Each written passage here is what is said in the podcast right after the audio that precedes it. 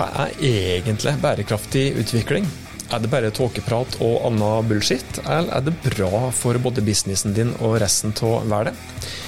I dagens episode av Hauspodden så ryddes opp i begrepet bærekraftig utvikling, og hjelp det å få klarhet i om dette er noe som du bør jobbe målretta med i organisasjonen din.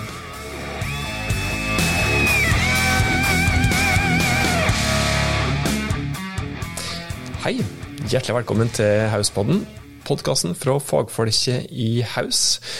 Eh, dette her er podkasten for det som eh, ønsker enkle, men effektive tips til hvordan du kan ta ulike grep for å nå strategiske organisasjonsmål, og det er sjøl om du ikke har mange, mange, mange millioner i budsjett eller verdens eh, største team i ryggen til å hjelpe deg.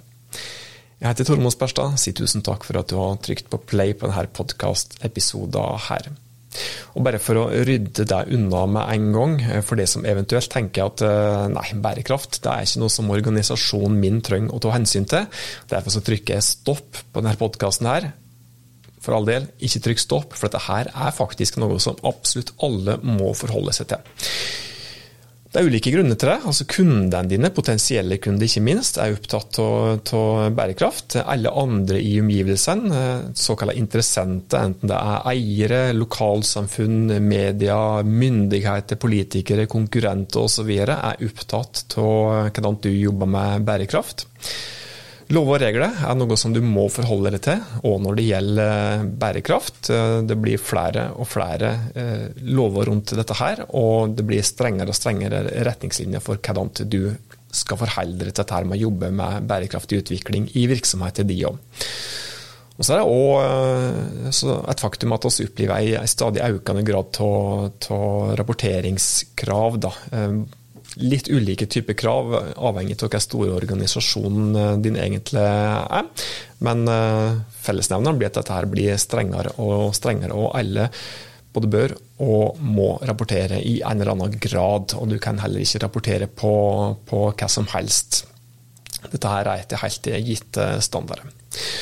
Så det er også slik da, at å jobbe med bærekraftig utvikling i en organisasjon kan faktisk hjelpe deg å komme opp med helt nye og mer lønnsomme forretningsmodeller.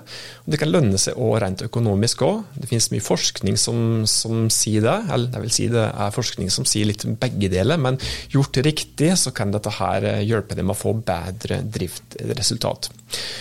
Og Den viktigste grunnen til at hvorfor oss i Hauspodden prater om eh, bærekraft akkurat i dag, ja, i og med at vi skal hjelpe til med å nå mål, så må vi òg prate om bærekraft. fordi at det å jobbe med bærekraftig utvikling kan hjelpe det med å nå de målene som du har det.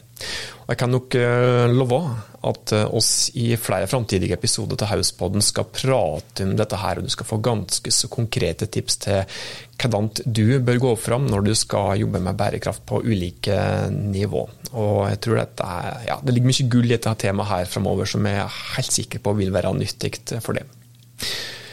Selve ordet bærekraftig utvikling er kanskje litt like loslitt, men likevel så er det viktig å prate om. da, og ja, skal jeg ta fatt i dette her med, med begrepet aller, aller først i dag. Det er en del begrepsforvirring ute og går. Eh, ordet bærekraft og bærekraftig utvikling blir brukt i ymse sammenhenger og ganske ofte feil. Det er ikke så mange dagene siden sist jeg så det at, eh, at eh, ja, det var en eller annen på LinkedIn som la ut at den bedriften der jobba ikke med, med, bærekraft egentlig reelt sett, de driver bare med grønnvasking. og uten å utdype hva som egentlig var sagt akkurat i det tilfellet der, så, så, så, var det i hvert fall en vedkommende som skrev det, eh, tok feil. For vedkommende mente vel det at så lenge det var litt utslipp, og så lenge det var litt forbruk, så var det heller ikke prat om bærekraft. Men det er det, og det skal vi komme litt inn på litt senere. Så oss eh, må prate om bærekraft, oss må prate om eh, bærekraftig utvikling. Og oss må bruke dette ordet her helt fram til den dagen kommer når oss alle er så gode på det at oss ikke trenger å bruke begrepet lenger. Det kan nok hende at vi toucher innom andre begrep òg i dag, f.eks. grønn vekst er jo et begrep som mange etter hvert er kjent med. Eh, men i all hovedsak, hva ordet bærekraft egentlig betyr, og hva det ikke betyr, det er det vi skal prøve å konsentrere oss. Ja, så hva betyr egentlig ordet bærekraft, eller bærekraftig utvikling, da? Eh, det er faktisk et relativt eh, velvokst ord. Det var Brundtland-kommisjonen som var først ute med å komme med dette begrepet og en definisjon på det. Og de sa det at eh, bærekraftig utvikling det er en plan for framtida, for planeten og for alle som bor her. Og en planen skrev Brundtland-kommisjonen, den er at oss må handle på en måte som gjør verden til et bedre sted for alle mennesker som lever nå, uten å ødelegge for dem som kommer seinere. Så det er definisjonen slik som Brundtland-kommisjonen kom med det først. Og det er vel egentlig den definisjonen som vi egentlig kan støtte oss til i dag òg. Vi kunne jo egentlig si det enda enklere enn som så. Vi skulle sagt det at bærekraftig utvikling er det som oss gjør for at verden skal bli litt bedre for dem som, ja, både for dem som kommer etter oss og dem som er her akkurat nå. Men kanskje mer korrekt og iallfall mer presis, dette handler om at oss alle, altså både oss mennesker, bedrifter, organisasjoner, lever og handler på en måte som gjør at oss får det vi har behov for i dag, men uten at det går på bekostning av det som framtidige generasjoner har behov for. Så det er viktig å være klar over det, at bærekraft det går ikke bare på miljø. Det handler ikke bare om klima. Det er tre såkalte dimensjoner i dette her. Det er miljø- og klimadimensjon, det er økonomisk dimensjon, og det er den såkalte sosiale bærekraftdimensjonen. Og miljø- og klimadimensjon der går på dette her med å ta vare på naturen og klima som en fornybar ressurs.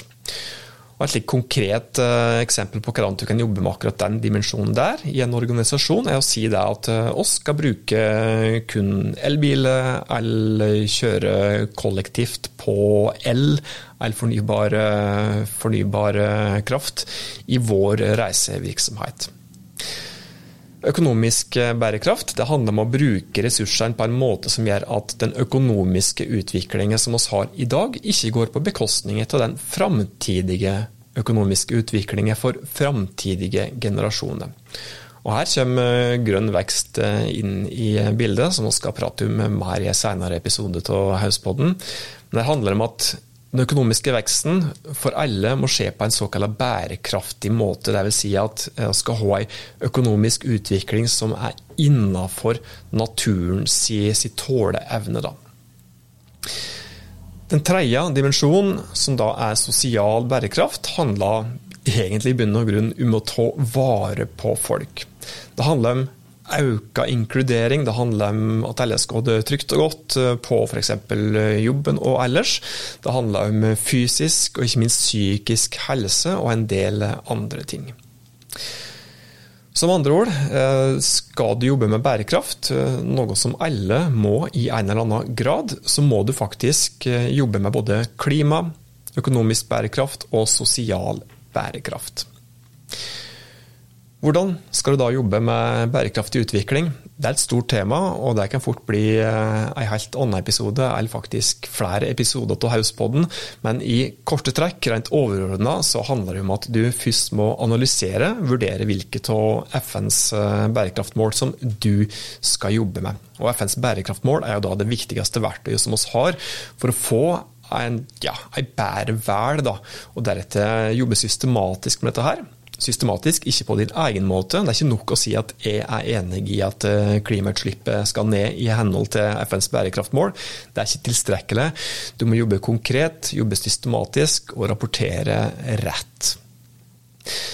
Så hvis det da, som en slik Ja, altså jeg har jo toucha innom bærekraft i tidligere episoder til Hauspodden òg, men hvis det da som en liten start på dette store temaet her, da, som etter hvert skal handle mer konkret om hvordan du kan jobbe systematisk med bærekraft for å nå organisasjonsmålene dine, så er jo konklusjonen om at ja, skal en trygt si det, at bærekraftig utvikling det er ikke bullshit, det er rett og slett good shit, for å kanskje prate litt like flåsete rundt det.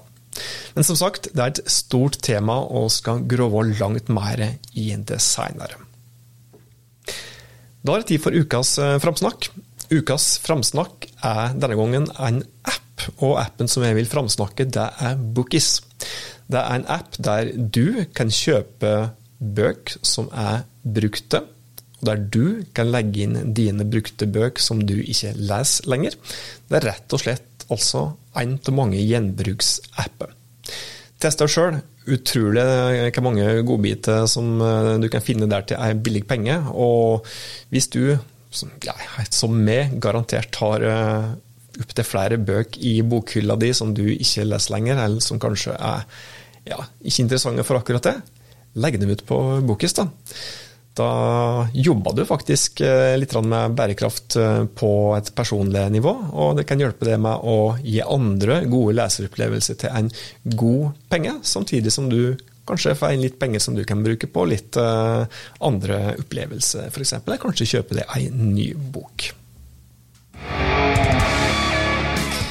Det var det som vi hadde å by på i dagens episode av Hauspodden. Hvis du tykte at uh, disse tipsene her var nyttige for deg, så blir vi glade hvis du tipser enda flere, slik at oss kan nå ut til enda flere organisasjoner og hjelpe dem med å nå de målene som de har sett seg. Inntil vi høres neste gang, så godt vare på det og dine.